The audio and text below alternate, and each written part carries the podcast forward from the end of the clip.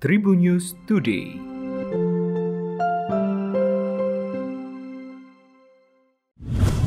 Halo Tribuners, berjumpa kembali bersama Memes. Memes akan berbagi informasi untuk kamu dimulai dari berita nasional.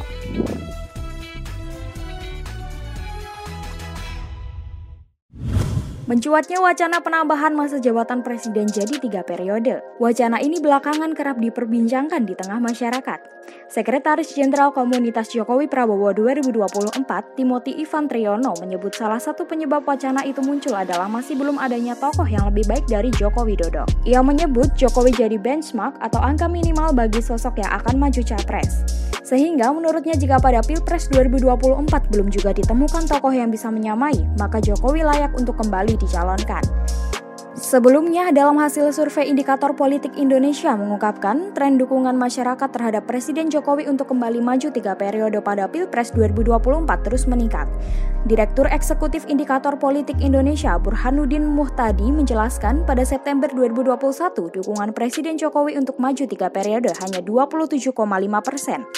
Namun, dukungan ini meningkat dalam dua survei terakhir, yakni pada November dengan tingkat dukungan berada pada angka 38,4 persen dan pada Desember kembali meningkat menjadi 40 persen. Dalam dua survei terakhir, dukungan terhadap perpanjangan masa jabatan presiden mengalami peningkatan yang signifikan. Selanjutnya berita regional Tribuners.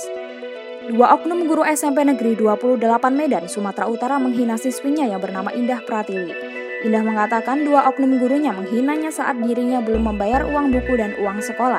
Kejadian itu disampaikan Indah kepada sang kakak dan orang tua asuhnya masih merespon dengan sikap bijak. Indah juga mengaku persoalan ini sudah ditangani oleh Wakil DPRD Kota Medan namun usai pertemuan sang guru kembali memarahi dirinya. Kini dua oknum tersebut telah diberi sanksi peringatan oleh Dinas Pendidikan Kota Medan. Hal tersebut disampaikan oleh Kepala Dinas Pendidikan Kota Medan, Laksamana Putra Siregar pada Jumat 14 Januari 2022. Laksamana juga mengaku keduanya telah menandatangani surat perjanjian agar tidak melakukan hal yang serupa. Jika keduanya melakukan hal serupa, Laksamana mengatakan akan dilakukan tindakan sesuai dengan peraturan yang berlaku. Nagita Slavina akhirnya bereaksi mengetahui dirinya diserang isu tak sedap. Raffi Ahmad sang suami juga tak tinggal diam.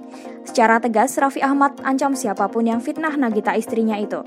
Semua disampaikan Raffi secara emosional seperti dikutip tribunjatim.com dari YouTube Indosiar pada Jumat 14 Januari 2022. Sebenarnya tak hanya Raffi Ahmad saja, tetapi Nagita juga meradang dengan isu video sur tersebut. Pasalnya muncul video sur 61 detik wajah mirip Nagita Slavina beredar luas di jagat maya hiburan. Video tersebut beredar di Twitter dan TikTok sehingga membuat heboh warganet. Mencatut nama artis papan atas, warganet pun langsung beramai-ramai memburu video sur itu untuk membuktikan kebenarannya.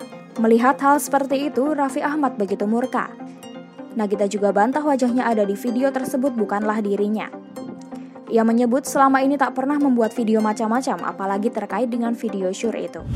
Berita terakhir dari olahraga Tribuners.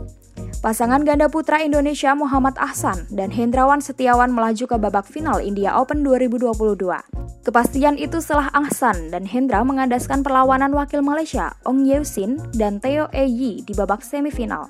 Di KD Jadav Indoor Hall, New Delhi pada Sabtu 15 Januari, The Dandies mengalahkan Ong Theo 2 gym langsung dengan skor 21-15, 21-18. Hendra Setiawan mengungkapkan kunci mengalahkan Ong Teo adalah permainan agresif yang dirinya dan Ahsan tampilkan. Bagi Ahsan dan Hendra, keberhasilan melaju ke partai final India Open 2022 sepadan dengan persiapan yang telah dilakukan. Menurut Hendra, dirinya dan Ahsan bakal kembali tampil agresif sebagaimana dilakukan di partai semifinal. Namun demikian, pola permainan yang diterapkan Ahsan dan Hendra tidak akan statis. Bagaimanapun, pola permainan yang diterapkan bakal disesuaikan dengan kondisi yang sudah ada. Demikian tadi empat informasi terkini yang menarik untuk kamu ketahui. Jangan lupa untuk terus mendengarkan Tribun News Today hanya di Tribun News Podcast Spotify dan YouTube tribunnews.com. Memes pamit, sampai jumpa. Tribun News Today.